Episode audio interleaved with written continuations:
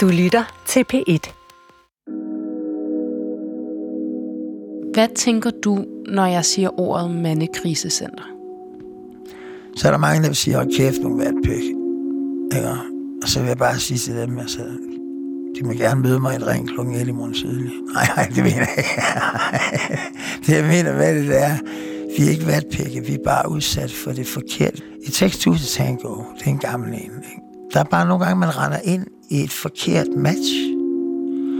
Og, og det match, det kan, ud, det kan udvikle sig til at være et rigtig sygt forhold. Mads er en af omkring 400 mænd, der hvert år tager ophold på et krisecenter. Men estimaterne lyder, at mere end 19.000 mænd hvert år udsættes for fysisk vold i det, der kaldes nære relationer. Det kan være partneren eller nærmeste omgangskreds. Men de mænd, de har ikke i dag de samme juridiske rettigheder og derfor krav på en plads på et krisecenter, sådan som kvinder har. Der er en, en række områder, hvor mænd har færre rettigheder end kvinder under dansk lovgivning, øhm, og, og partnervold er en af dem. Det vil Allan Schmidt lave om på. Sammen med Simone Rosenkilde har han stillet et borgerforslag for at ligestille voldsramte mænd og kvinder juridisk. Når man er offer for partnervold, så er det ikke kønnet. Du er offer ligegyldig, om du er kvinde eller mand.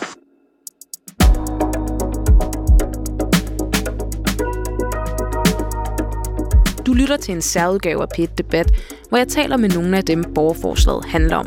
Og til sidst, så skal Allen møde tre af de politikere, der har magten til at gøre hans borgerforslag til lov. Mit navn er Andrea Dragstad. I dag skal det handle om partnervold mod mænd. Og vi starter hos Allan og Simone, der fandt hinanden over en passioneret debat på TikTok. Jeg hedder Simone, og øh, jeg er 22 år, øhm, og så studerer jeg teologi til daglig. Jeg hedder Allan, og jeg er 48. Jeg arbejder i Landbrugsstyrelsen med IT. Vi kender jo sådan set ikke rigtigt hinanden. Øhm, ja, vi har øh, over TikTok har vi set hinandens videoer, så det er nok nærmere vores relation. Og vi har haft en, øh, en debat på TikTok. Vi er ikke altid lige enige. Det giver det giver god debatmulighed. Øhm, så det er egentlig der, vi, vi startede ud, øhm, og vi har diskuteret meget ligestilling, vi har diskuteret meget rettigheder. Jamen det er, det er mere en frustration over nogle af de ting, mænd står i i Danmark i dag. Øhm, og, og en ting er de manglende rettigheder, men vi har også uddannelsessystemet, vi har retssystemet, vi har sundhedssystemet, vi har levealder, selvmord, drab, vold, hvor det her det er et, et omdrejningspunkt, de her manglende rettigheder og, og partnervold. Jeg tænkte på, om I har nogle beskeder, hvor øh, I kommer ind på, hvorfor, altså, hvorfor ideen til borgerforslaget overhovedet opstår. Det er noget, der sker med en, en video, som Allan har lavet, hvor at vi er uenige om noget andet. Trine ved godt, at mandlige ofre for partnervold ikke har samme ret og mulighed for at få hjælp som kvindelige ofre under dansk lovgivning. Alligevel går hun i Berlingske og siger, at vi har lukket øjnene og svigtet voldsramte kvinder. Det er et citat fra Trine Bramsen, der er ligestillingsminister. Ja, der er en artikel i Berlingske, hvor, øh, hvor hun udtaler sig om det her. Øhm, mit udgangspunkt var, at hvis man tog og flippede kønnene i den artikel og sagde, det er ikke kvinder, men der står mænd, så vil jeg jo mene, at det var en, en artikel, som var sand, fordi vi udelukker mænd i debatten, og når vi snakker om partnervold, så er det ofte med, med kvinder i fokus, eller kvindelige ofre i fokus, ikke mandlige ofre. Jeg synes ikke, man kunne sige, at det ikke var en sand artikel. For jeg synes i den grad også, at vi har Øh, glemt kvinder, eller ikke sat nok fokus på dem i det hele taget. Øhm, så det, jeg snakkede om, handlede egentlig mere om, om tonen øhm, øh, af videoen, og hvordan jeg godt synes, det kunne virke lidt som om, at man sagde, det er jo ikke sandt, og vi, vi skal ikke sætte fokus på kvinder, og vi skal skifte fokus til mænd, og så sagde jeg, nej, vi skal ikke skifte fokus til mænd, vi skal bare også sætte fokus på mænd. Og i de der kommentarer, så kommer den her øh, paragraf 109 op rigtig mange gange, fordi det simpelthen er et af de steder, hvor vi ikke er lige stillet. Og det er servicelovens paragraf 109, som giver kvinder adgang til krisecenter, hvor der nemlig står, at når kvinder bliver udsat for vold, så har de adgang. Og jo mere vi snakker om det, rent faktisk diskuterer nogle andre ting, jo mere kan jeg ikke, altså jeg kan ikke lade være med at tænke, at det, det er ikke i orden. Det er simpelthen ikke i orden, at der ikke er ligestilling på det her område. Og ja, når vi har skrevet de her beskeder, så tror jeg, at øh, jeg sidder og bliver meget frustreret over, at det egentlig er sådan ting, der hænger mig sammen. Og jeg tror faktisk, jeg, jeg ringer til min mor og er sådan, hvordan stiller man et borgerforslag? øhm, og hun er sådan, øh, det ved jeg ikke, prøv at gå ind og google det og tjekke og se på det og sådan noget. Så går jeg ind og, og kigger lidt og tænker sådan, hm, hvem, hvem kender jeg, der ved det her? Og sådan noget. Så tænker jeg, jeg skriver til Allan. Han ved nok, hvad man skal gøre. Og så skrev jeg til ham, og det vidste han jo sådan set rigtigt nok. Den allerførste besked, den er sendt den 28. april Ja. kl. 21.08. Og der skriver jeg, øhm, Allan, skal du ikke være medstiller af et borgerforslag, så vi kan få mænd skrevet ind i servicelovens paragraf 109? Og så sender jeg en anden besked, hvor jeg skriver, jeg synes, der er behov for at gøre noget mere aktivt for at sørge for, at mænd får lige rettigheder. Og jeg siger, der var et borgerforslag, der var et borgerforslag i 2021 om en ukønnet 109. Det blev nedstemt af Folketinget. Og så svarer jeg så, øhm, men hvad kan vi ellers gøre? Øhm, kan man ikke stille det igen? Vil du med? Det kan være en markering af årsdagen for nedstemningen. Og så skriver jeg, ja, det vil jeg da i hvert fald. Og hvor var du henne den aften? Jamen, jeg sad, jeg sad i min stue derhjemme. Øh, Jeg tror måske, at jeg havde et glas rødvin øh, og diskuterede ligestilling, fordi det, det skal man ikke kæmpe sig af.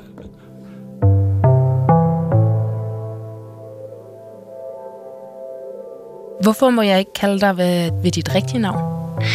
Det får ikke at være alt for, for genkendelig. Hvad skal jeg kalde dig? Skal vi sige, at vi kalder dig Erik?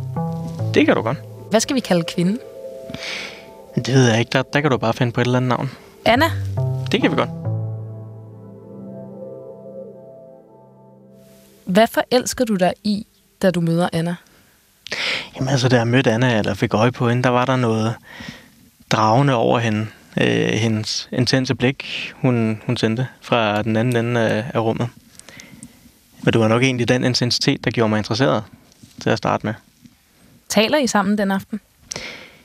Mm, ja, lige kort. Øh, får lige hans nummer, og så øh, er det egentlig det. Og så øh, sender jeg en sms til hende. Øh, jeg kan ikke huske, om det var samme dag eller et par dage senere. Hvor øh, vi så finder ud af, jamen, vi skal da mødes. Og jeg havde noget at gøre lidt mad klar og, og øh, lagt op til, at vi skulle have en hyggelig aften, hvor vi kunne snakke og lære hinanden lidt bedre at kende. Øh, Hvad skulle I spise?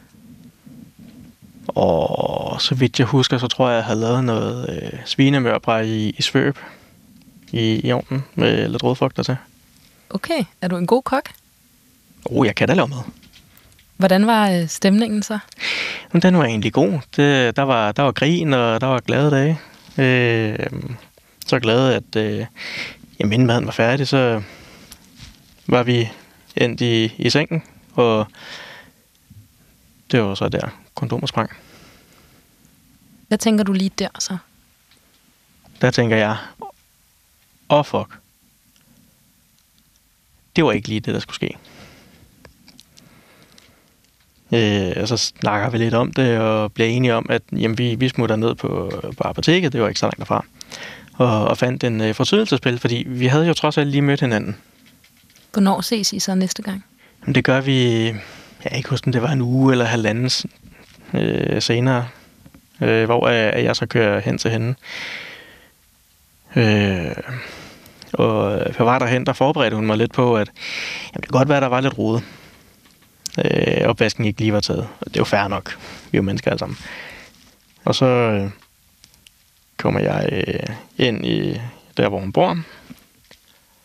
Og hold da magle. Men jeg lå hendes tvivl komme til gode. Begynder I rigtigt at date der? Ja, det gjorde vi vel et eller andet sted. Øh, og så var det efter... Jeg tror, det var efter... Jeg tror, det har været efter en, en, en små tre uger. Øh, men der sad vi i sofaen øh, og, og snakkede, og hun begyndte lige pludselig at, at, at snakke rimelig meget omkring, at, at øh, i og med, at hun havde barn, jamen, så skulle vi være kærester for stabilitetens skyld. Og så hun vidste, hvor vi var på vej henad. Jamen, altså, min første tanke var, at ro, ah, ro, lige. vi har lige mødt hinanden. Du har et barn, jeg har allerede mødt dit barn. Det, det går lidt hurtigt i forvejen. Og det prøvede jeg også at, at fortælle hende, hvor øh, at hun blev ved med, at hvis vi skulle fortsætte, jamen, så skulle jeg gå med til, at vi var kærester fra den dag. Og det, det endte vi jo så med at blive. For du vil gerne se hende igen? Ja, det vil jeg. Hvornår finder du så ud af, at hun er gravid? Det var øh, cirka en halvanden måned efter. Øh, altså et par uger efter, at, at hun havde øh, gjort meget ud af, at nu skulle vi være kærester. Så vidt jeg husker, så øh, bragte jeg øh, abort på banen, øh, og også med, med samme, øh, med samme øh, hvad det hedder, øh, begrundelse af, at jamen, vi havde jo ikke rigtig kendt hinanden i så lang tid på det tidspunkt. Vi havde kun lige mødt hinanden, og var kun lige begyndt at, at, at kratte i overfladen af hinanden, med, med hvem, vi, hvem hinanden var. Jamen altså, alarmklokkerne ringede, men jeg ved ikke hvordan. Spørg mig ikke hvordan.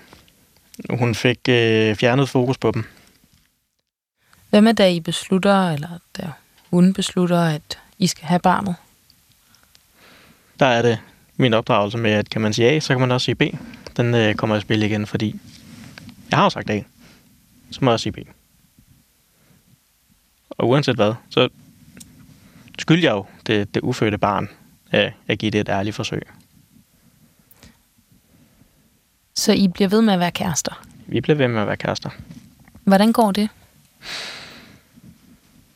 Det, det gik. Øh, altså, jeg er ret sikker på, at, at nogle af mine, øh, mine venner og lidt af min familie kunne, kunne se relativt hurtigt, at det ikke var en sund relation, jeg havde begivet mig ud i. Øh, men... Hvorfor? Øh, det er på grund af den måde, hun var på og, og, og snakkede på og, og var på over for dem. Øh, og den måde, hun snakkede til mig på, og uden jeg selv opdagede det. Og det blev de mærke i. De, der var også øh, en enkelt eller to, der forsøgte at snakke med mig om det øh, et par enkelte gange der i starten. Men jeg var overhovedet ikke lydhør for det. Kan du huske, hvilken følelse det gav dig? Jamen altså et eller andet sted, så har jeg godt været klar over, hvad det var, der skete. Men lukket af for det, og jeg kan huske grundfølelsen af, at jeg blev ked af det, når, når hun gjorde det.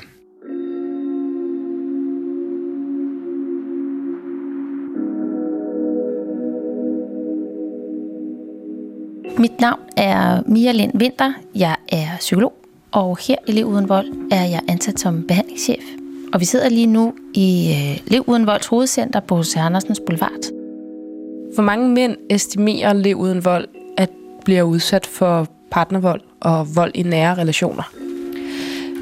Vores undersøgelser viser, at der på årsbasis er tale omkring 19.000 mænd, men det er behæftet med stor usikkerhed, fordi vold i nære relationer jo stadigvæk er underlagt tabu. Øhm, så det er et ret omfattende tal, og øh, vi ved jo også, eller estimerer på det grundlag også, at omkring 38.000 kvinder. Og det her er tal for fysisk vold. Når vi kigger på psykisk vold, så er de meget forsigtige estimater, at vi snakker om tal, der er dobbelt så høje. Så det er nogle ret store tal, vi taler om. Og hvornår taler man om vold? Ja, det er i virkeligheden et 100.000 kroner spørgsmålet. Øh, vi arbejder med nogle, øh, kan man sige, særligt med Socialstyrelsens definitioner omkring fysisk vold, slag, skub, spark, fastholdelse, kvælningsforsøg, øh, slag med genstand, psykisk vold, nedgørende, ydmygende, kontrollerende handlinger i et relativt tilbagevendende mønstre, materiel vold, ødelæggelse af andres genstande. Øh, det kunne fx være, at du var rigtig glad for din telefon, og jeg som en del af den kontrol, jeg har brug for ude over dig, smadrer telefonen. Økonomisk vold, at øh, den ene partner styrer og regulerer den andens økonomi. Man får lommepenge, har ikke adgang til fælleskonti, der bliver oprettet lån i ens navn. Seksualiseret vold, som jo handler om, at man bliver tvunget til seksuel aktivitet uden samtykke. Øhm, på den måde så lænder vi os op et nogle ganske overordnede definitioner af vold. Er der forskel på, hvad der defineres som vold, når det er en mand, der bliver udsat for det, og når det er en kvinde, der bliver udsat for det? Nej, vold er vold.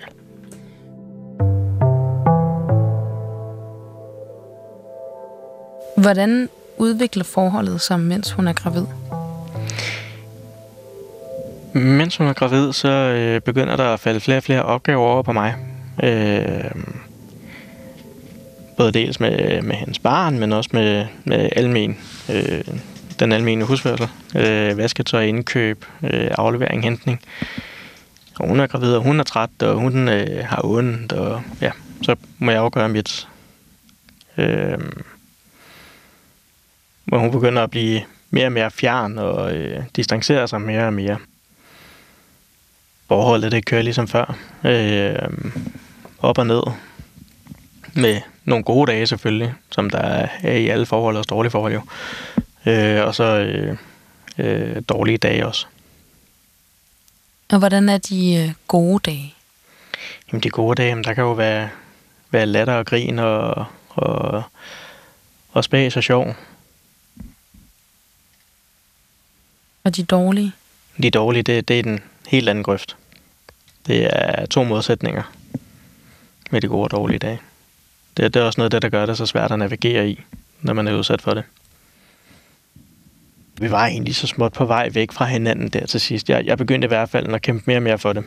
Øhm, og snakke mere og mere om det. Øh, hvor hun til sidst sagde, jamen fint, så er det slut. Gider ikke mere. Slut. Brudt.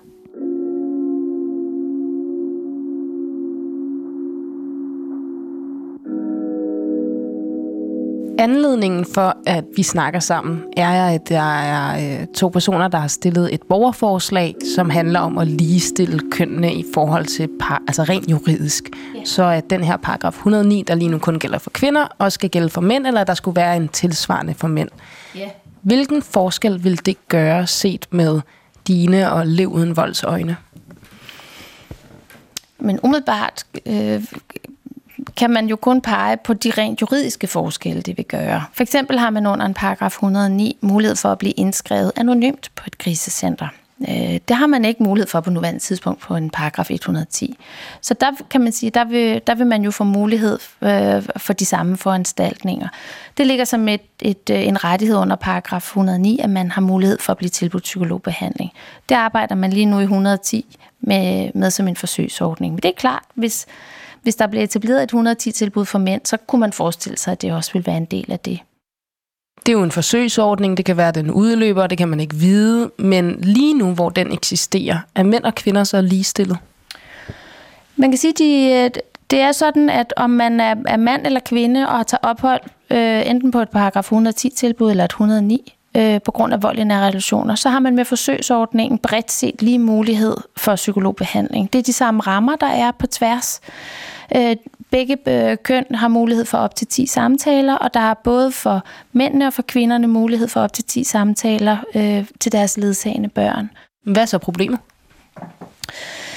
De udfordringer, der kan være, øh, er, at på den ene side, mens vi ser, at vold jo rammer bredt, og desværre jo også rammer lige, forstået på den måde, at en mand, der bliver udsat for psykisk vold, jo også mister selvværd øh, og kan miste sit arbejde og sin funktionsniveau øh, på samme måde som en kvinde. Øh, så er det klart, at øh, der i og med, at kvinden kan bo på et krisecenter under en paragraf 109, og manden kan bo på et botilbud under paragraf 110, er nogle lovmæssige forskelle. Det ligger jo som et, et visitationskriterie eller et adgangskrav for at komme på et kvindekrisecenter at man jo er i akut krise, og dette ofte udløst af oplevelser med vold i nære relationer. Der er målgruppen for de nuværende paragraf 110 botilbud jo langt bredere. Det er dels mange af dem jo både for mænd og kvinder, øh, og dels så er det for mennesker, som af mange forskellige årsager er havnet i hjemløshed. Det vil sige, at der kan være mange forskellige andre forklaringer på, at en mand eller en kvinde tager ophold der. Øh, og det behøver ikke være udløst af oplevelser af vold i nære relationer. Hvilken reaktion møder I så typisk, når I fortæller mænd om de her mandecentre? Det vi ved fra nogle af de undersøgelser, vi har lavet, er, at en af de barriere, der kan være for, at mænd kontakter mandekrisecenter, ofte er, at de ikke ved, at de findes. Så ved vi også, især jo for vores undersøgelser, men også i stadig større omfang for vores forsøgsordning, at at øh, der er noget, der tyder på, at mænd kan have et længere tilløb til at søge hjælp. Øh, og det kan der være mange forskellige forklaringer på. Men nogle af dem kan, kan godt være idéer om, at at, øh, at vi har nogle normer for, øh, for mandighed og maskulinitet i vores samfund, som peger retning af, at manden skal klare sig selv, og at han et langt stykke hen ad vejen faktisk gør alt, hvad han kan for at klare sig selv. Mange er øh, optaget af at bevare kernefamilien. De er bekymrede for, hvad der sker, hvis de forlader hjemmet. Øh, mange ved ikke, at de har mulighed for at tage deres børn med. Der er mulighed for at tage børn med på mandekrisecentrene. Det er ikke alle herberg og forsorgshjem, hvor manden kan det. Øh, så på den måde kan der være nogle forhindringer, øh, særligt hvis, øh, hvis man er far. Øh, Nogle tager en lang periode ophold hos venner eller familie, øh, og tager først kontakt med krisecentret, når ikke der længere er plads på den sofa. Øhm, så for langt de fleste mænd er der en, en lang rejse, fra man først har erkendt, at det, man er udsat for, ikke er i orden, og det er vold, til at, at man måske kommer i kontakt med, med den hjælpeinstans, som, som kan bringe en videre. Og man kan jo sige, at det gælder for psykiske problemer, som for en lang række fysiske problemer, at jo længere tid man venter, jo større er kompleksiteten i det problem, man forsøger at løse, og jo mere støj eller slør er der måske lagt ud over de vanskeligheder, man har. Så vi har bestemt et ønske om at nå mændene hurtigere. Øhm, fordi det er klart, at det er nemmere at løbe over en bakke, end det er at bestige et bjerg. Kan der være forskel på, hvad mænd har brug for, og hvad kvinder har brug for? Når vi kigger på den undersøgelse, som ligger til grund også for forsøgsordningen, så tegner der sig et billede af en gruppe mennesker med meget komplekse problemstillinger. Det er både øh, mennesker med psykiatriske diagnoser, psykiatriske lidelser. Det er mennesker, for hvem det gælder, at cirka 50 procent af dem har udviklet et misbrug, muligvis som en håndteringsstrategi i forhold til de øh, problemstillinger, der har været i deres liv. Vi ved fra undersøgelsen, at øh, 70 procent af de mænd, øh, der indgik i målgruppen for vores forsøgsordning, også havde oplevet vold i barndommen. Vi ved, at øh, en stor del af dem har vanskeligt ved at fastholde beskæftigelse og indgå i, øh, i vores uddannelsessystem. Og alene det peger jo på en lang række forskellige former for foranstaltninger. Og derfor forsøger vi, særligt i forsøgsordningen, at have øh, kan man sige, både en opmærksomhed, men også en åbenhed for, at der der kunne være andre ting, som denne her målgruppe også havde brug for. Og fordi de har ventet længere, deres problemstillinger måske af den grund er blevet mere komplekse, så holder du dig åben over for, at de måske også har behov for nogle andre tilbud. Ja.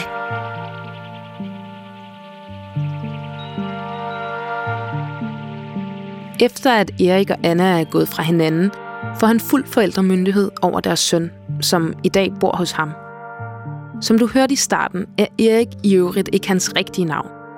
Vi kender deres begges rigtige identitet. Men vi har valgt at anonymisere dem. Kvinden blev dømt ved landsretten for det overfald, du skal høre om nu. Men den tid for min søn og mig, jamen, jeg havde fokus på, at han skulle have det så godt som muligt, at han skulle øh, have styr på hans mave. Han var konstant forstoppet, da, da jeg fik øh, midlertidig bopæl på ham. Øh, og han øh, vejede også for lidt, øh, så jeg øh, fik pludselig travlt med at give ham en masse kærlighed og omsorg og få stimuleret hans, øh, hans sanser. Øh, men også at få, få fedet ham op og få styr på maven. Hvornår gik det op for dig, at det her det var virkelig alvorligt? Det var først efter overfaldet. At det virkelig begyndte at gå op for mig. Altså min virkelighedssans var jo så forskubbet, at der skulle noget helt vildt, exceptionelt, ekstraordinært til. For at jeg ligesom kunne se, hvad der var, der foregik, og hvor slemt det var. Den morgen der, der øh, efter vi havde hygget færdigt op i lejligheden, min søn og jeg, og, og vi skulle til afsted, han ville gerne have bussen den morgen. Så det, det, øh, det skulle vi jo selvfølgelig. Vi boede så tæt på børnehavene, og var så heldige, at der, der var bus øh, lige ude for døren, der så stoppede lige ude for, for døren ved børnehaven. Øh, så han fik lov til at bestemme, om vi, vi cyklede, eller om vi gik, eller hvad det hedder, tog bussen. Men der er det så, øh, hun står klar. Ude foran jeres lejlighed? Ved lejligheden, ja. Hun havde øh, nogle stikvåben i hånden, en i hver hånd. Og øh, fik også et enkelt hug ind i, i tændingen på mig. Hvilket våben? Det var øh, skruetrækker. Efter hun lige, øh, jeg formoder, at det er det første hug, hun har fået ind i, i tændingen på mig. Og så begynder jeg så at, at øh, afværge alle de mange andre hug og, og stikforsøg, hun kommer med derefter. Men vi, vi stod og kæmpede i de fem minutter, øh, hvor hun også forsøgte at, at stikke afsted med, med vores søn. Men heldigvis så, så snublede hun eller faldt. Hvornår ringer du 112? Det, det gør jeg, da, vi er, da jeg øh, er kommet i sikker afstand med min søn, og der er en ung gut, der, der kommet ned på gaden, fordi uh, der var en masse råb og skrig og, og råb om hjælp. Det var, jeg, jeg var begyndt at råbe hjælp på et tidspunkt uh, med lungerskræft. Hvad sker der, da politiet kommer frem? Jamen altså, da politiet kommer frem, der uh, sidder inde i ambulancen og er ved at blive, blive undersøgt. Du sagde tidligere, at den her dag, overfaldet, det er der, det ændrer sig for dig. Det er der, hvor det virkelig går op for dig, at der er noget meget alvorligt galt. Ja. Hvordan mærker du det? Hvordan kommer det til udtryk? Mm, det kommer øh, egentlig først til udtryk om aftenen, efter at jeg har været inde på, på skadestolen. De er blevet syet, og, og min søn er blevet tjekket igennem, og jeg er blevet tjekket igennem, og, og jeg har været hen ved, ved øh, politistationen, og lige bliver afhørt hvor jeg først begynder at, at sidde og tænke lidt over det, at, og komme frem til, at jeg har brug for hjælp til at få bearbejdet det her. Og så var det, jeg begyndte at, at sidde og så søge øh, krisecenter for mænd. Og der fandt jeg ud af, at der, der var et i, i, øh, i, et i, i en øh, nærliggende by, øh, som jeg så ringede til dagen efter. Det var egentlig først der, det begyndte at gå op for mig, hvor slemt det egentlig var. De foregående år og, og overfaldet. Hvad sker der, da du ringer til den? Jamen altså, den ringer igennem. De, de tager den ikke. Jeg lægger en besked, og øh, bliver så stadig, eller irriteret, eller ja, hvad man nu kan sige, øh, at jeg tager dig ind øh, dagen efter. Jeg har haft ringet til dem. Det vil sige to dage efter overfaldet. Med det samme, så blev man taget imod med åbne arme, arme og fik drukket en kop kaffe i hånden og, og fik lov til at snakke med en.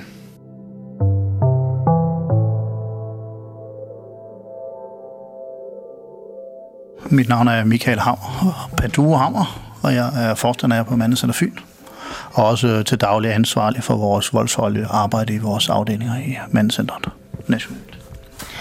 Hvem er I til for? Vores stifter, han øh, sådan helt way back, der var det mødet med nogle af de her misbrugere, som var kommet noget længere ned af livets landevej. Og når han, når han snakkede med dem, hvad årsagen var til, at de var havnet der, så var det faktisk rigtig, rigtig mange, som sagde, det var fordi familien gik i stykker, der var omstændigheder, der gjorde, og der var ikke nogen at tale med. Og så er det for mange en god måde at komme videre på tingene, det er at selvmedicinere sig, enten ved alkohol eller stoffer, og så tog det der, den det route. Så det var ligesom for at sige, det må vi kunne gøre bedre i et samfund, hvor vi siger, vi må kunne komme lidt tidligere ind, når krisen krasser. Kan alle bare komme hen og banke på døren og så bede om hjælp? Hvad sker der så? Hvordan er den proces? Jeg siger nogle gange lidt øh, kægt, at vi dækker fra psykologi til jura. Det vil sige, at vi har jo medarbejdere, som er jurister, advokater, pædagoger, socialrådgiver, terapeuter. Så vi dækker sådan rimelig bredt i forhold til problemstillingen. Det kan du godt få i forhold til det ambulante og ikke har behov for at tage ophold.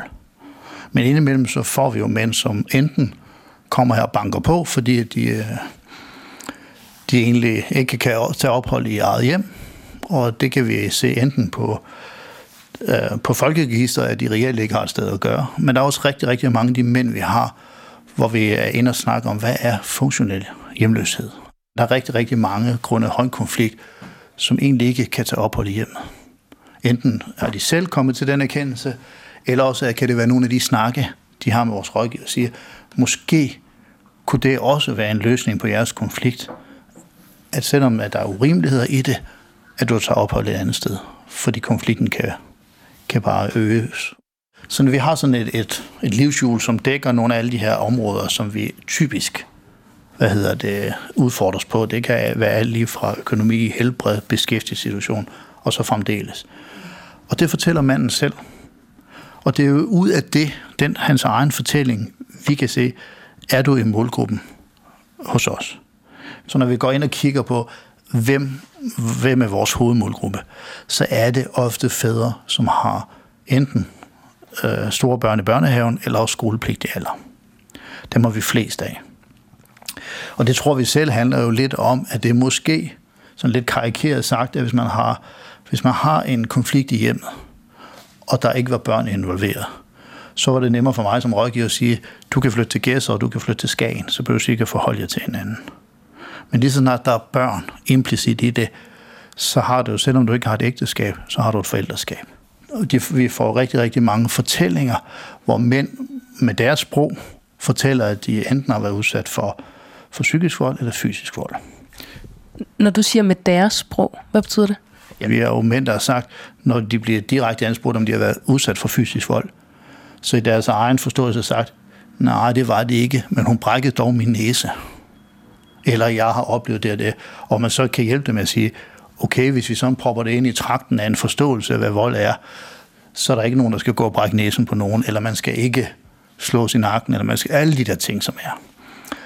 Og det, det handler nok både om at få sit eget sprog for det, og også opleve en, en anerkendelse af, at det, man er udsat for, ikke bare er, at du er bare et pjok, eller du er bare et skvat, kom nu ind i kampen. Eller vi har hørt rigtig, rigtig mange mænd, som jo, når de fortalte det til deres omgivelser, den første kommentar, de fik fra deres nærmeste, det var jo, du er meget større og meget stærkere, kan du ikke bare gøre noget ved hende, som på den fysiske del. Og så har vores rejse jo også været, og det er jo på hele voldsområdet, hvad er psykisk vold for en størrelse? Og der bliver vi jo klogere dag for dag på, hvad, er, hvad kan psykisk vold være for en størrelse.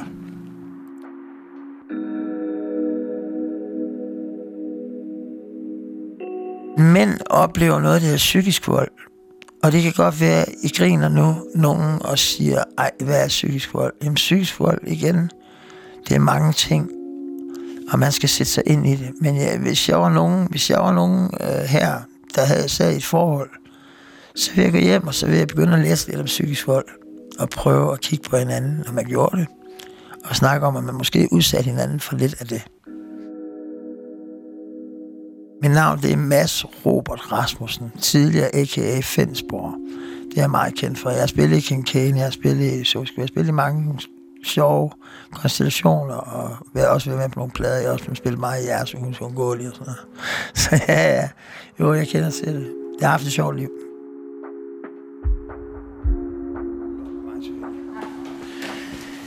Men øh, ellers så, altså, så bor vi her jo, vi er seks på hver etage. Og øh, det er etmandsværelser, og så er der to toiletter, og så er der bad, og det hele det er meget, meget lækkert. Det er meget, meget lækker lejlighed. Meget lyst i forhold til, hvis man kommer hen på mændenes hjem i København, hvor jeg også har boet. Øh, det er jo noget helt andet. Det er jo, øh, det er jo nærmest for askens ilden, det her. Hvad tænkte du, da der første gang var nogen, der fortalte dig om mandecenter? Jeg vidste ikke rigtig, hvad jeg skulle tænke, om det overhovedet var, var sandt, men da jeg kom ind og så det, og vi blev vist rundt, og da jeg havde sagt ja, der blev min lillebror og mig simpelthen så glad, fordi det var ikke de omgivelser, vi havde regnet med. Altså. Forestillede du dig, at det ville være lige mere et herberg? Ja, det troede jeg faktisk, det ville. Øh, så jeg var faktisk meget skeptisk ved at komme herind. Men da jeg så så det, så blev jeg enormt glad. De mennesker, der tog imod mig, det var nogle helt anderledes typer. Altså, det var folk, der var meget avoldelige. Altså, det var slet ikke noget vold involveret. Der var, jeg kunne høre, der var ikke noget vold i talen. Der var ikke noget... Øh, det var hjælp hinanden, øh, støtte hinanden, øh, fortælle om hinandens problemer. Så er der selvfølgelig nogen, der er usikre på forskellige måder, når de kommer ind. Der er nogen, der så, så, så er der nogen, der gemmer sig lidt, og nogen, der bliver lidt bange. Ikke? Så vi er forskellige mennesker, men vi får hinanden rettet ind. Det er vi gode til. Vi er gode til at hjælpe hinanden.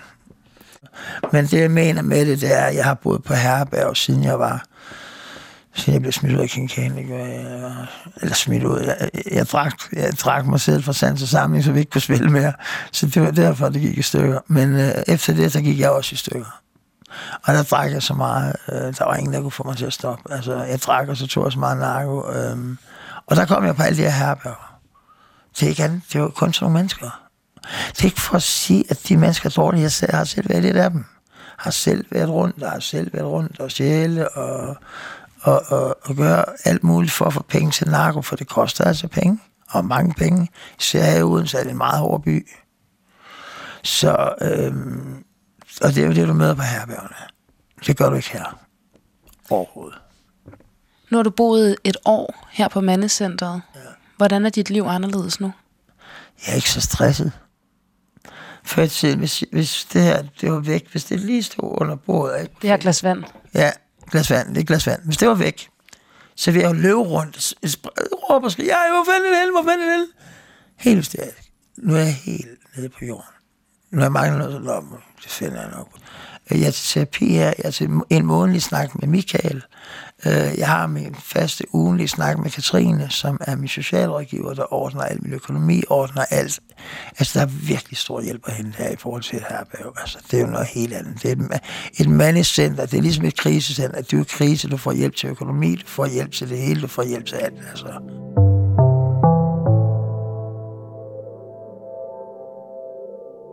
Hvad er forskellen på et mandekrisecenter og et kvindekrisecenter? Vi er godkendt under serviceloven som et paragraf 110. Og 110 er jo i forståelse af et normalt forsvarshjem og et herberg. Sådan helt lovmæssigt, så kan man sige, at, at vi er jo faktisk ikke et krisecenter for mænd. Altså, vores målgruppe er det. Lovmæssigt så er vi et herberg. Og der, og der er forskel på 110 og 109, hvor i 109-delen... Det er paragraferne i serviceloven. Det er paragraferne i serviceloven, korrekt. Hvor hvor 109, som, er, som har været defineret som værende hvad hedder det, et tilbud til kvinder, som har været udsat for vold. Kvinder og børn. Og, og, det, og den har været, kan man sige, køns, så det har ikke været muligt for mand at blive indskrevet på en 109 servicelovens paragraf 109. Og i det tilbud, som er til forskel for det, der ligger i 110, det er, at der har været psykologsamtaler til både kvinderne og til børnene, og der har været det, de kalder en øh, koordinerende sagsbehandler, som skal prøve at arbejde på, på delen efter.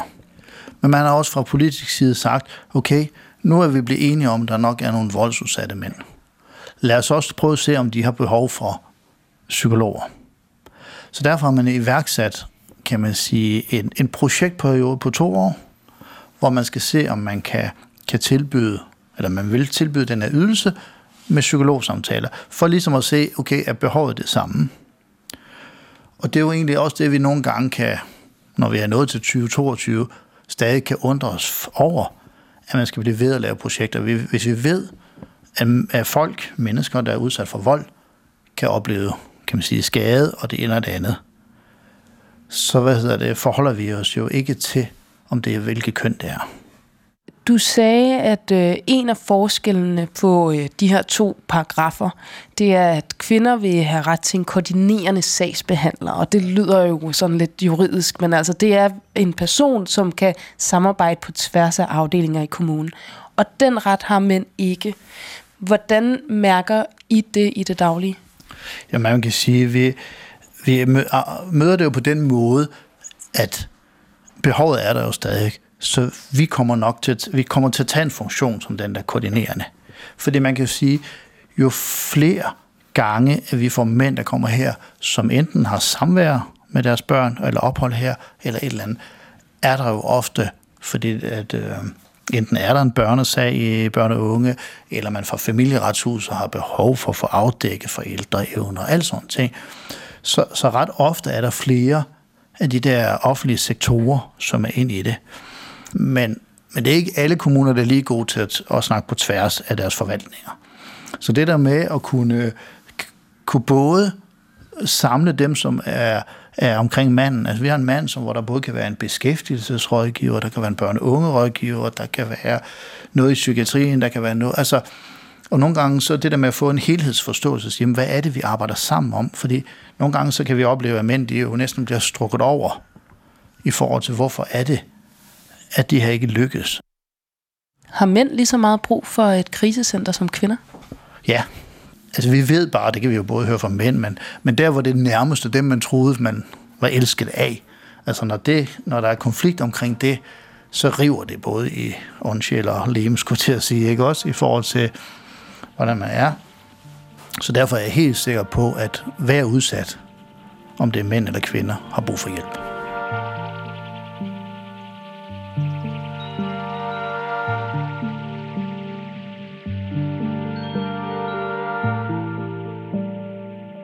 Hvad tænker du, når du hører de folk, der har sagt til dig, eller når du hører det andre steder, det her med, at mm, du hende ikke du er større end hende fysisk. Kan du ikke bare sige fra? Hvorfor skal du være bange?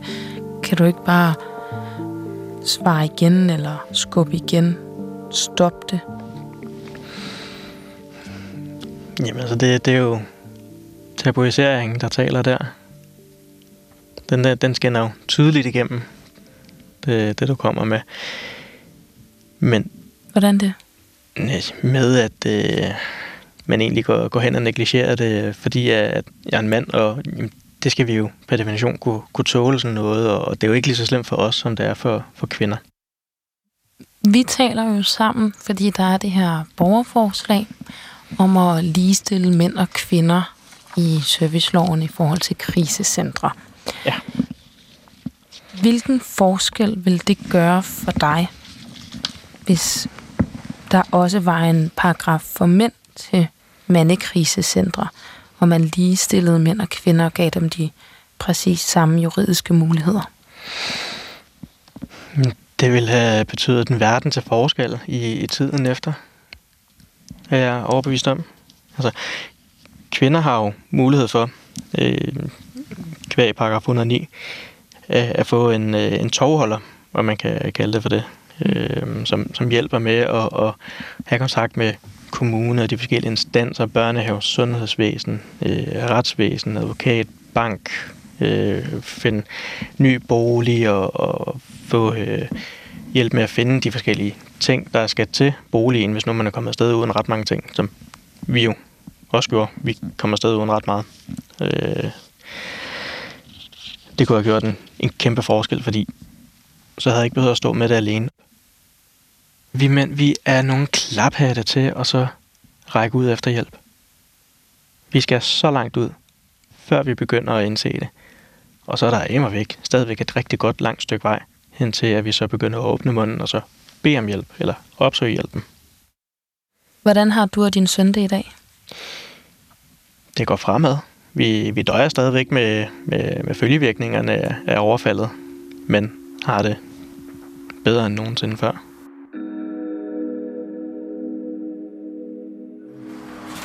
Så er der et gamerrum herinde, som... Øh, jeg er ikke en stor gamer, men jeg spiller det her. Jeg spiller det her. Det er mit spil. Det er det der. Og Ja. så elektrisk guitar og pedal og sådan noget der. Vi går ind i et musikrum nu, eller kigger Det er, nu. mit- nej, det er mit værelse. Det er dit værelse? Ja, ja, ja.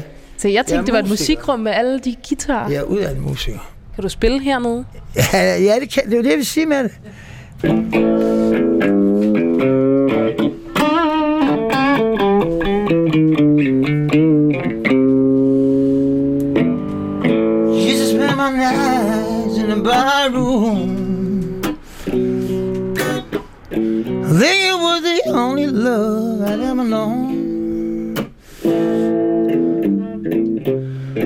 But you rescued me from the bottom and brought me back from being too far gone. You're a smooth Tennessee whiskey. You're a sweet strawberry wine.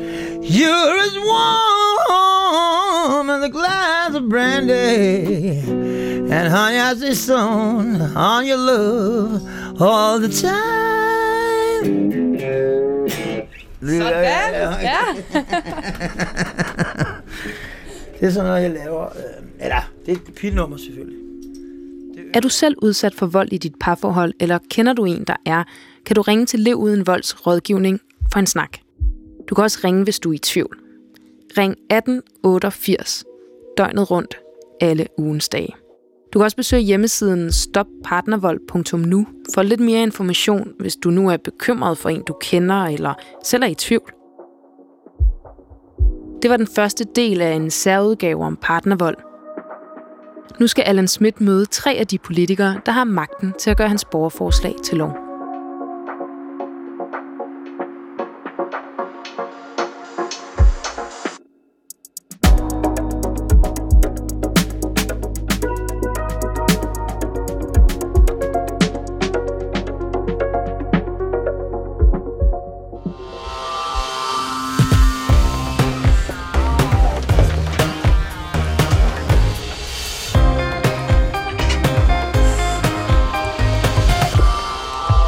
Mette Thiesen, socialordfører for Nye Borgerlige. Er mandlige og kvindelige ofre for partnervold ligestillet i dag? Nej. Pernille Skipper, socialordfører i Enhedslisten. Skal mænd have den samme lovfæstede adgang til krisecentre, hvis de er udsat for partnervold? Ja, de skal i hvert fald have den, der er nødvendigt for dem. Hvad siger du, Christina Thorholm? Du er socialordfører i Radikale Venstre. Er mænd ligestillet i dag, når de bliver udsat for partnervold? Det er paradoxalt. Vi lever i 2022, og de er ikke ligestillet. Omkring 400 mænd flygter hvert år på mandecenter eller herberg. De er på flugt fra vold af, fra deres partner, ekspartner eller nært familiemedlem. Men når mænd flygter fra vold, har de ikke de samme lovfæstede rettigheder som kvinder, der flygter fra partnervold. Det vil du, Allan Schmidt, lave om på. Du har stillet et borgerforslag for at ligestille mandlige og kvindelige ofre for partnervold. Og nu står du her sammen med tre af de politikere, der har magten til at gøre dit borgerforslag til lov. Er du klar på det? 100 procent. Mit navn det er Andrea Dragsdal, og du lytter til en særudgave af P1 Debat. Velkommen til.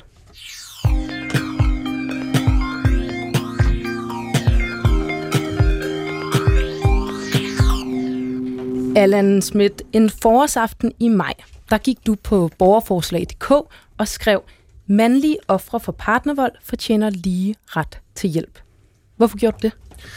Fordi at mandlige ofre for partnervold fortjener lige ret til hjælp. Det kan ikke være rigtigt, at vi, øh, som, øh, som Christine siger, at vi øh, i 2022 ikke ligestiller partnervoldsoffer bare på grund af deres køn. Det er jo helt skævt. Hvad er det, du gerne vil have politikerne til at indse? At vi ikke skal forskelsbehandle baseret på køn, når man fortæver sin partner. Da du oprettede det her borgerforslag, der var du bare en almindelig borger. Nu er du formand for Ligestillingspartiet, der er ved at samle vælgererklæringer. Er det her en mærkesag for jer? Det er en af vores mærkesager, ja. Det er det. Mette Thiesen, socialordfører i Nye Borgerlige. Du og Nye Borgerlige har jo faktisk tidligere stillet et beslutningsforslag, der er meget i tråd med det, som øh, Allan han går og drømmer om her. Hvad kom der ud af det? Jamen, øh, for at være helt ærlig, så da jeg blev valgt i Folketinget for Nye Borgerlige, der blev jeg opmærksom øh, på det her, den her problematik i forhold til det, der hedder servicelovens paragraf 109. For at være helt ærlig, så troede jeg, det var en fejl. Jeg tænkte, vi kan ikke leve i, ja, på det tidspunkt tror jeg, det var 2019 eller 2020, øh, og at, øh, at man simpelthen ikke har ligestilling på det her område. Vold er jo vold, uanset hvem der rammer.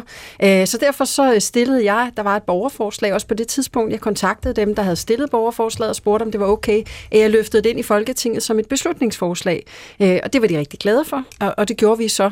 Og jeg tænkte, det her det er en af dem, der bare ryger direkte igennem, selvfølgelig er der bred opbakning til det, men det, det faldt simpelthen. Hvorfor der var simpelthen ikke flertal for det. Ja, ja, det må du nok spørge om. Altså, jeg synes, øh, argumentationen var så ekstremt tynd, øh, og, og, og når vi kan se, at der er cirka 19.000, jeg tror, det er den sidste opgørelse for 2017, 19.000 mænd, øh, som udsættes øh, for partnervold, øh, jamen så, øh, så synes jeg, det er jo fuldstændig åbenlyst, øh, at det her selvfølgelig skal laves om, fordi, igen som jeg sagde før, vold er vold, uanset hvem der rammer. Alle skal have den samme hjælp. Og nogle af dem, der stemte imod, det er jo øh, de to kollegaer, du står ved siden af her, Pernille Skipper og Christina Thorholm, Enhedslisten og Radikale Venstre. Pernille Skipper, har I svigtet mandlige ofre for partnervold? Jeg troede, du skulle til at spørge, hvad der kom ud af det beslutningsforslag, vi stillede. Det kan være, du får lejlighed til at sige det bagefter. Nu må du svare på, om I har svigtet de mandlige ofre. Altså, vi har jo også stillet et beslutningsforslag, som ligestiller på den måde, at i stedet for at lave en, altså tage den paragraf, der i dag handler om alle i hjemløshed og i krise, og give dem de samme rettigheder som voldsramte kvinder, altså give mænd flere rettigheder end kvinder, øh, så har vi valgt at lave et beslutningsforslag, som skal indføre en særlig paragraf til mænd, ligesom voldsramte kvinder i dag har en særlig paragraf. Så de får hver deres særlige paragraf. Det vi også har gjort, det er at sørge for, at den psykologhjælp og den krisehjælp, den rent faktisk er der. Så i praksis er den finansieret via en forsøgsordning. Det var også det, man gjorde dengang, man lavede øh, paragrafen til voldsramte kvinder. Og så har vi sat den her undersøgelse i gang, som skal sørge for, at alle får det, de har behov for. Fordi den vold, mænd og kvinder udsættes for, er ikke den samme. Og hvis vi bare kopierer, så risikerer vi rent faktisk at svigte de mænd. Så det vi står i lige nu, det er sådan en pseudo-diskussion, hvor der er nogen, der siger, at der ikke er ligestilling. Alle siger, det er rigtigt, det mangler vi at gøre. Vi mangler at indføre en permanent ordning, og alle vil det. Alle er helt enige. Øh, og så går arbejdet i gang, og alligevel så har vi sådan lidt en, en mærkelig diskussion, fordi alle er enige. Og nu gjorde du det også til en lidt teknisk diskussion, for det er det jo Det også. er det, ja. Der er en paragraf Fordi der er 109, ingen, der er imod, at mænd skal have de samme rettigheder som voldsramte kvinder. men I er uenige om, hvornår og hvordan. Der er en paragraf 109 i serviceloven, som giver kvinder ret til krisecenter, og så er der den her paragraf 110, hvor mænd kan komme, men hvor de de facto bliver registreret som hjemløse, for det er den samme paragraf, som gælder for herberger. Mette Thiesen, er det godt nok at lave en 109a eller en anden paragraf kun for mænd, sådan som enhedslisten foreslår? Nej, det er det selvfølgelig ikke. Altså, øh, det er et skridt på vejen, øh, bevares. Det er bedre end, øh, hvad, hvad, hvad skal man sige, status er nu. Men nej, selvfølgelig skal vi kønsneutralisere paragrafen. Det giver jo ikke nogen mening at begynde at tale om, at, at, at mænds øh, vold mod mænd og vold mod kvinder, øh, det her det er vold. Øh, det er folk, der er blevet udsat for vold, øh, og selvfølgelig skal det kønsneutraliseres, og mænd skal ligestilles. Og jeg synes bare, jeg er bare nødt til at sige, jeg synes, det virker en lille smule hyklerisk, når vi hører om de her partier, som altid har så travlt med at tale om, at kvinder skal ligestilles med mænd øh, i bestyrelser og i alle mulige andre steder. Øh, når det så handler om mandlige voldsoffre, jamen så vil man simpelthen ikke øh, ligestille øh, fuldstændig Men en det vil vi gerne med det. Vil du ikke holde op med at sige det? Alle er enige om, at mænd og kvinder skal Hvorfor ligestilles. kønsneutraliserer vi så ikke bare 109? Jamen, det har vi prøvet at forklare nogle gange. Jeg prøvede også at sige det før. Det, der er forskellen, det er jo, at den vold, som mænd og kvinder udsættes for, ofte er noget andet. Og det handler ikke om, at mænd ikke skal have de samme rettigheder. De er jo, der er jo sat penge af til psykologordninger, så mænd, som kommer på krisecenter, der er voldsramt i dag, de får adgang til psykologhjælp. De får adgang også til psykologhjælp til deres børn. Fuldstændig Prøveperiode. fu- præcis, fuldstændig som kvinderne får det. Så i praksis er det fuldstændig ligestillet. Så har vi en teknisk juridisk diskussion om, hvad er det, der skal ske med bestemmelserne. Du siger, at man skal kønsneutralisere. Jeg siger, at kvinder og mænd skal have hver deres paragraf. Og hvorfor? Jamen det er fordi, at den vold, som mænd og kvinder udsættes for, den ofte er forskellig. For eksempel, så bliver mænd oftere udsat for vold fra familiemedlemmer. Altså ikke nødvendigvis fra partneren, men trusler og vold fra partnerens familiemedlemmer. Og det er jo en anden form for vold. Det skal man have en særlig voldsfaglighed for at hjælpe de mænd. Hvis man ikke har det, så svigter man dem. Mette Thiesen, anerkender du, at der kan være forskel på, hvordan mænd og kvinder har brug for hjælp, når de udsættes for partnervold? Nej, det gør jeg sådan set ikke. Øh, men lad os da kigge på den samlede paragraf, øh, hvad det er, der stilles til rådighed.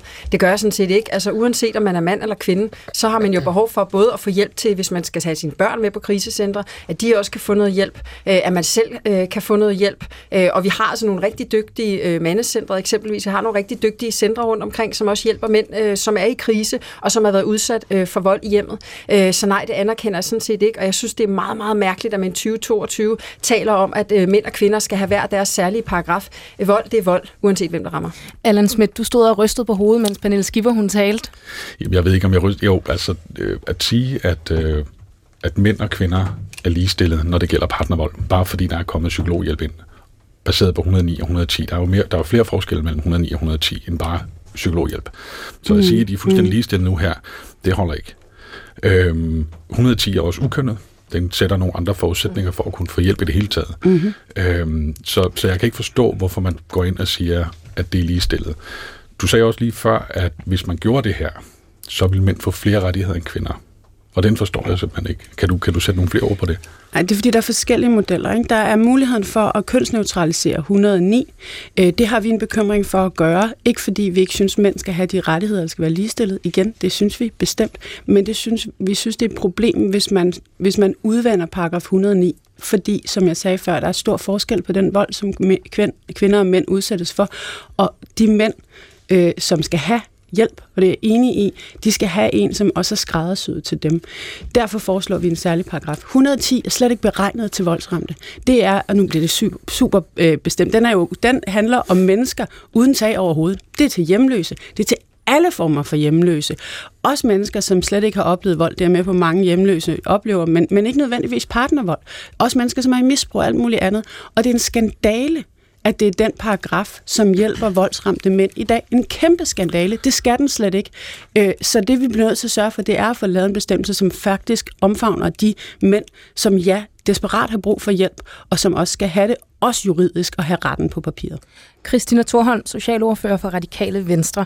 Det, som bliver debatteret lige nu, det er jo, at der lige nu er en forsøgsordning om psykologhjælp til mænd, men at de stadig, der er juridiske forskel på, hvad man konkret har mulighed for. Vi kunne også nævne, der er sådan en, nu bliver vi også tekniske, men det er muligheden for en koordinerende sagsbehandler. Det er også muligheden for at blive set som voldsramt og ikke mm. som hjemløs. Hvordan skal det system se ud, hvis det står til Radikale Venstre? Jamen, ligesom øh, Pernille lige nævnte, så er herbergene jo slet ikke beregnet til, til øh, voldsudsatte, og der kommer mænd, øh, der er i krise med deres børn, de skal ikke være på herberg. Det er soloklart øh, for os også, øh, og vi har været i dialog med mandecentrene, som netop har rejst den her problemstilling. Ja, der er jo mandecentre i dag, hvor der er plads til børn, så hvad er problemet? Ja, at det er en, en ret, øh, at, det er, at den er skrevet ind øh, lovmæssigt, og, og vi ligger os også øh, umiddelbart op af den her så, øh, differentiering, så man har nogle kvindekrisecenter og nogle mandekrisecenter, fordi der er netop øh, forskel på den vold. Mænd er overvejende udsat for den psykiske vold, og ligesom at kvindekrisecentrene i dag både arbejder med centre og øh, rådgivning, så, så mener vi, at øh, der kan tages rigtig meget i opløbet, hvis mænd, øh, eller de voldsudsatte, får øh, den forebyggende hjælp øh, i forhold til at have et større parathed øh, til at være i de forhold, øh, der er, øh, og håndtere den især psykiske vold, som mænd er udsat for. Ikke? Mm. Mette Thiesen, du hører både Pernille Skipper og Christian Thorholm sige igen og igen, der er forskel på, hvilken vold mænd og kvinder bliver udsat for. Har de så ikke brug for forskellige øh, øh, hjælp Øh, nej, altså det, det mener jeg sådan set ikke. Altså, øh, der er jo også kvinder, der bliver udsat for psykisk vold. Altså, jeg synes simpelthen, det er et dårligt argument, øh, at man går ind og siger, jamen altså, fordi du er mand, øh, så har du brug for noget andet, end øh, hvis du er kvinde. Altså, der er jo rigtig mange ting i paragraf 109, som man har ret til som kvinde. Øh, det er blandt andet, at man kan blive indskrevet anonymt. Øh, det kan man ikke via den her 110. Øh, kommunen har særlig rådgivningspligt over for kvinder, øh, indskrevet efter 109. Øh, det har man ikke heller tilsvarende øh, for mænd. Øh, personalet er specialiseret efter 109. Det gælder heller ikke nødvendigvis efter øh, 110. Børnene er sikret omsorg og støtte øh, og psykologbehandling. Det er så kommet med i en prøveperiode. Altså, det, der, der er rigtig, rigtig mange ting, som ligger i 109, som ikke ligger i 110. Og, øh, og, og for at være helt ærlig, så synes jeg faktisk, det er en grundlæggende principiel diskussion. Mener vi reelt set, at mænd, der bliver udsat for vold, har ret til de samme, øh, det samme hjælp. Kan du være kvinder? helt sikker på, at der ikke er forskel på, hvad mænd og kvinder har brug for, når de bliver udsat for vold? Jamen, det er jo et spørgsmål om at lave en lovgivning, hvor man siger, jamen, du har mulighed for at få det her hjælpeapparat, hvis du bliver udsat for vold. Det er sådan set uanset, om du er mand eller om du er kvinde. Det er og det giver simpelthen, jamen, hvorfor så ikke bare kønsneutralisere den paragraf? Så kan det godt være, at vi skal udvide paragrafen i forhold til det her, men det giver simpelthen ikke nogen mening at tale om, at mænd og kvinder, der bliver øh, udsat for vold, det vil sige, når jeg kommer ud i skolegården som skolelærer, så skal jeg sige til, øh, til, øh, til Adam, at hvis han bliver slået af Julie, øh, så skal han have en anden hjælp, Nej. end hvis Julie bliver slået Ej. af Adam. Altså, Ej. vi er helt nede på nogle basale ting, som helt grundlæggende er, er fuldstændig forfejlet, synes jeg det, det er at latterliggøre det her problem. Og jeg synes Ej, ærligt talt... Jo, det er det med det. Altså, det er, det, du, du bør virkelig... Jeg synes ikke, at man kan tage den her diskussion så overfladisk. Det er den for alvorligt til. Alle siger, og det har Enhedslisten sagt, det har Radikale Venstre sagt, det har regeringen sagt, det har det kæmpe flertal i Folketinget har sagt, vi skal sørge for, at mænd og kvinder har de samme rettigheder. Det gælder psykologer, det gælder koordinerende sagsbehandlere, det gælder alle de ting, som lige nu, ja, mangler. Hvorfor så ikke bare kønsneutralisere? Jamen det er for, ikke fordi, at volden er mere slem, hvis den sker over for kvinder, end for mænd, som du prøver at lægge i det. Det er fordi, den er anderledes. Det, der blev argumenteret Eksempelvis. For, Eksempelvis så bliver kvinder i højere grad udsat, ja, for den her meget, meget voldsomme skubben ned ad trapper og alt muligt andet, men mænd bliver i højere grad udsat for psykisk vold. Det er jo, det er jo en kæmpe risikofaktor for, at man ikke får ordentlig hjælp, hvis den vold, man udsættes for, er psykisk og ikke kan ses på kroppen, fordi det er sværere at bevise. Så det kræver da en kæmpe stærk faglighed, at du som skolelærer, hvis vi skal ned på det eksempel, kan komme ud i gården og se, at selvom Julie bliver slået, og Adam han bliver mobbet psykisk terror år efter år efter år efter år, så skal du ikke bare koncentrere dig om Julie, så skal du sørge for, at Adam også får den ordentlige hjælp. Og det er det, den her diskussion den handler om. Pernille Skiver, er der nogle af de rettigheder, som voldsramte kvinder har i dag, som du ikke mener, mænd skal have? Nej, det er der ikke. Hvad Men venter I så på? Vi skal sørge for, at der er den specialiserede viden, så vi kan sikre, at når vi ikke bare skriver paragrafen, men også alt det bagved, om hvad paragrafen skal indeholde. For eksempel, at der skal være specialiseret fagfolk til stede på de her krisecenter. Det ligger også i 109. At det er der. Ja, det ligger nemlig også i 109, men vi ved ikke, hvad det specialiserede ja. nødvendigvis er for mænd endnu. Det skal vi sørge for. Og så kan vi ikke bare kønsneutralisere, og vi kan ikke bare overføre de mandekrisecentre, der er i dag, fordi de har også en bredere målgruppe. Der kommer også mennesker i krise, som ikke er voldsramte, og derfor skal vi sørge for at finde en løsning til dem. Allan Schmidt, i dit borgerforslag, der er der slet ikke tale om nogle særparagrafer til mænd. Du vil bare gerne have det ligestillet. Der skal være én paragraf til mennesker, der bliver udsat for vold. Hvorfor det? Jamen altså, i, i borgerforslaget står der jo ikke noget om, det skal være en 109 eller en 109A, eller hvad der skal være. Der står egentlig bare, at politikerne de skal tage en holdning til det her, at de skal ligestille mænd og børn, der følger med mænd. Øhm, så så det, det er det første skridt. Øhm, mit, mit eget udgangspunkt det er, at vi selvfølgelig skal have en kønsneutral 109. Øhm, fordi om det er Julie, eller om det er Jonas, der bliver udsat for psykisk vold i, øh, i, i, i skoletiden, så skal, så skal lærerne jo kunne håndtere, uanset om, om det er en dreng eller en pige. Øhm, det svarer lidt til, at, at hvis vi har arbejdsulykker, mænd bliver udsat for, for oftere for arbejdsulykker og hårdere arbejdsulykker end kvinder. Så, så med det her argument, så skulle vi lave en arbejdsulykkelov, der er delt op til mænd og til kvinder. Præcis. Og det giver jo ingen mening. Det giver jo ikke nogen mening at kønne lovgivningen på de her områder, i stedet for at sige, at vi har nogle paraplyværktøjer, som vi kan skubbe ud, uanset hvad køn man har. Det er præcis. Christina Thorholm, Radikale Venstre, hvad venter I på? Jamen, vi er jo rigtig glade for, at der er kommet et borgerforslag igen. Det er jo den måde, at der bliver skabt en debat igen, og det at få skabt nogle løsninger. I den debat, jeg har været med, med Mandekrisecenter, der har de sagt, jamen øh, det at lave en særlig paragraf for mænd, det er en, en, OK, eller en god løsning. Derfor så er det den vej, vi umiddelbart øh, bevæger os i. Det kan være, at vi flytter os i en debat, øh, men, men det vi får det taget op igen og få, få fokus på de mænd og de børn, der bliver offer for det her og skabt nogle øh, lige rettigheder, det er vigtigt for Vil os. du have en paragraf særskilt til mænd, eller den samme paragraf? Umiddelbart så, som jeg siger, 109A, fordi at... Øh, en der er særskilt nogle paragraf til mænd, altså? Ja. Hvorfor det? Fordi der er nogle særlige elementer, og der er historikken omkring kvindekrisecenter og den sårbarhed i forhold til den massive fysiske vold og kvindedrab. Det, er, det, det skal vi værne om, og, og i første omgang det kan være, at vi kan flytte os i en diskussion der, og afklaring der, men, men som udgangspunkt også øh, på baggrund af diskussionen med mandekrisecentrene, som siger, at 109 er en fin øh, løsning, så, så, så er det en måde at værne om kvindekrisecentrene på os. I begyndelsen af debatten her, der hørte du Mette Thiesen sige, at hun var overrasket over, at man i 2022 stadig lavede kønnet lovgivning. Hvorfor skal den være sådan i 2022? Fordi der er forskel på den øh, vold, og derfor skal vi også kunne håndtere det. Allan Schmidt? Jamen, vi har snakken om 109 og 109A. 109 kvinder, 109A mænd. Der er lige blevet oprettet et LGBT-krisecenter. Hvor hører de hen? Skal de have en 109B? Christine Thorholm? Vi har en særskilt problemstilling med, med netop det, den øh, gruppe, som vi også skal tage vare på. Det vil Skal I gerne... så ind og lave lovgivning hver gang, der er en særskilt problemstilling? Hvorfor ikke lave en paragraf til mennesker, der bliver udsat for vold og har brug for et krisecenter? Fordi volden er forskellig, og, og det er det, vi, vi øh, vil gerne vil imødegå med det her. Pernille Skipper. Svaret er jo, at du kan godt drive Undskyld, du kan godt drive et LGBT plus øh, krisecenter, som i øvrigt er særskilt finansieret på finansloven, øh, og Hipporaf det, fordi det har vi kæmpet for i mange år, som både har pladser, der er 109A og 109B. Så det kan man godt. Øh, det, det, er, det vil så være et blandet krisecenter for, for i både mænd og kvinder i lovens forstand, men i det her tilfælde jo en LGBT+.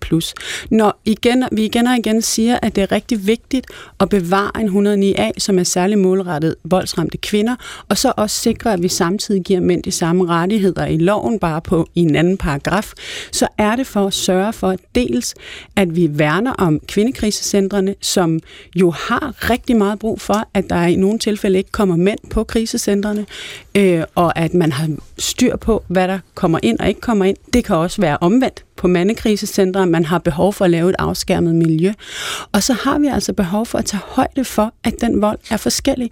Igen og igen, så bliver det bare sagt som om, at det er, at vi gerne vil gøre forskel på behandlingen af mænd og kvinder. Det vil vi ikke. Men, men det er konsekvensen er i dag jo. Det er det i dag på den måde, at det er en forsøgsordning, vi har kørende, og jorden er ikke på plads. Men behandlingen skal jo til højde for, hvad det er for en vold, mennesker er ramt af. Vil enhedslisten give alle køn deres egen paragraf? Jeg har lige forklaret dig, hvordan det vil komme til at fungere. Alle køn du må gerne forklare det igen. PT, mænd og kvinder.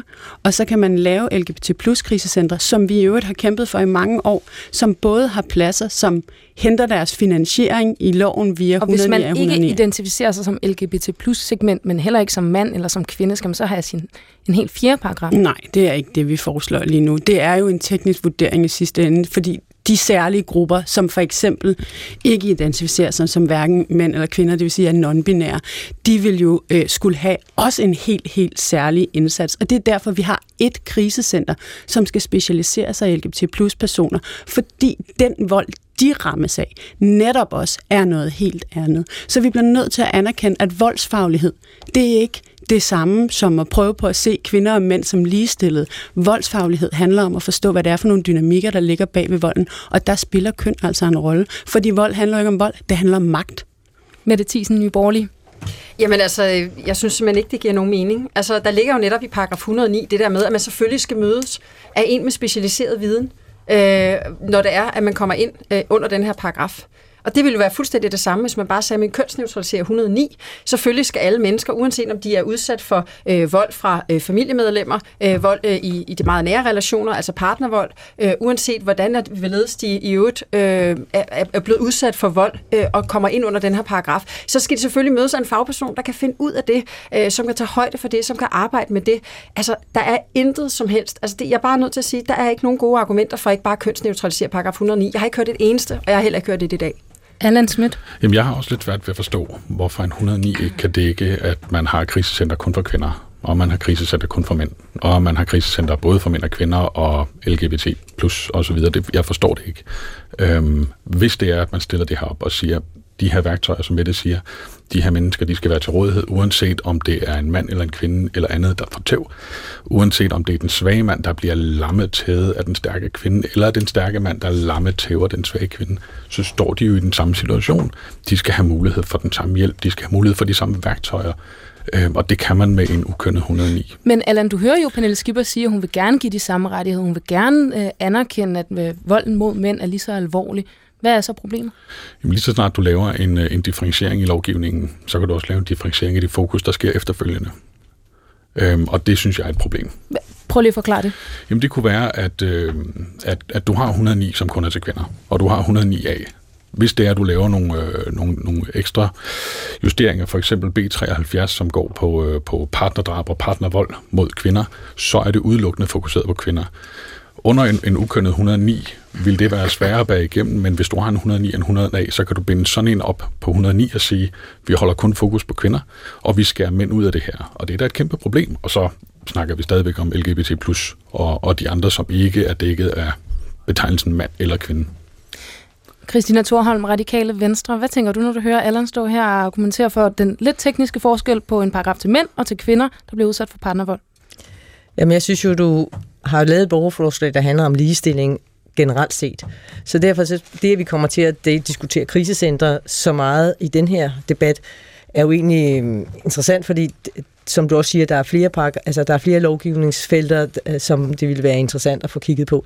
Så jeg synes, vi skal også fokusere på at holde den debatten bredt, fordi der er så mange felter, hvor vi skal have opmærksomhed på den ligestilling, af, af mænd og kvinder, øh, og, og dermed så, så vil jeg håbe, at netop at arbejde for, at det øh, borgerforslag, I har stillet, øh, kommer til at brede sig Christina, mere ud. Christina Thorholm, kunne du forestille dig nogle rettigheder, mænd skulle have, som kvinder ikke har? Ikke umiddelbart. Hvad med den anden vej rundt? Er der nogle rettigheder, som kun skal være forbeholdt kvinder? Øh, som sagt ikke umiddelbart, øh, fordi at der er, et, grund til, at vi øh, siger, at der, øh, der skal være en forskel, det er fordi, at øh, der er forskel på volden, og, og, og det kan være det er vigtigt øh, at kunne ramme det ind i forhold til øh, kvindekrisecenterne. Da I debatterede det her i Folketingssalen for nogle måneder siden, der sagde Radikale Venstre, at øh, lige holdt lidt igen på grund af økonomien. Har I rykket jer på det spørgsmål?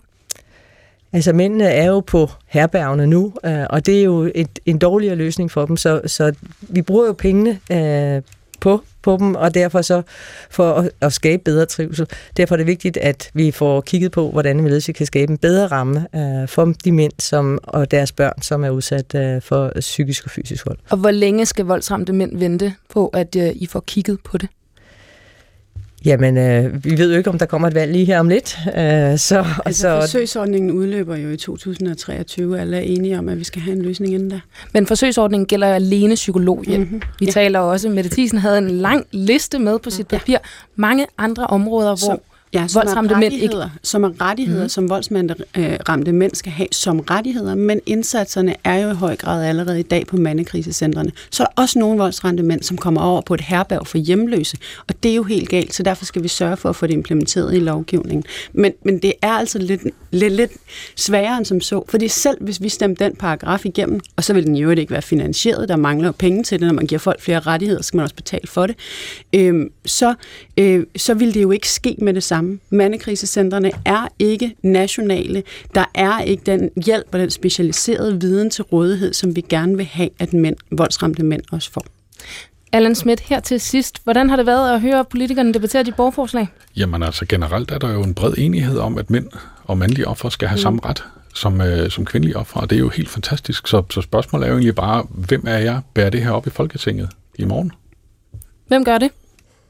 Jamen, det har vi jo alle sammen gjort. Men Thyssen har stillet beslutningsforslag, Enhedslisten SF har stillet beslutningsforslag, øh, Radikale er også med til at sætte de penge af, de undersøgelser i gang, der skal til, for at vi når derhen. Så må vi se, hvor øh, når mænd får de samme rettigheder som voldsramte kvinder. Det var det for den her særudgave af P1 Debat. Har du ikke lyttet med fra begyndelsen, så kan du finde hele programmet i en podcast-app eller DR Lyd. Du kan fx høre besøget på et mandekrisecenter i Odense, eller om Erik, der blev udsat for fysisk vold af moren til sin søn. Er du selv udsat for psykisk eller fysisk vold i dit parforhold, eller kender du en, der er, så kan du ringe til Lev Uden Vold for rådgivning og en snak. Ring 1880 døgnet rundt alle ugens dage. Man må også gerne ringe, hvis man er i tvivl. Du kan også besøge hjemmesiden stoppartnervold.nu for lidt mere information. Mette Thiesen, Pernille Skipper, Christina Thorholm, Allan Schmidt, tak fordi I var med i dagens særudgave af P1 Debat. Bag programmet står også journalist Mathias Bjergum og lyddesigner Frederik Ludvig. Mit navn er Andrea Dragsdal. Tak fordi I lyttede med.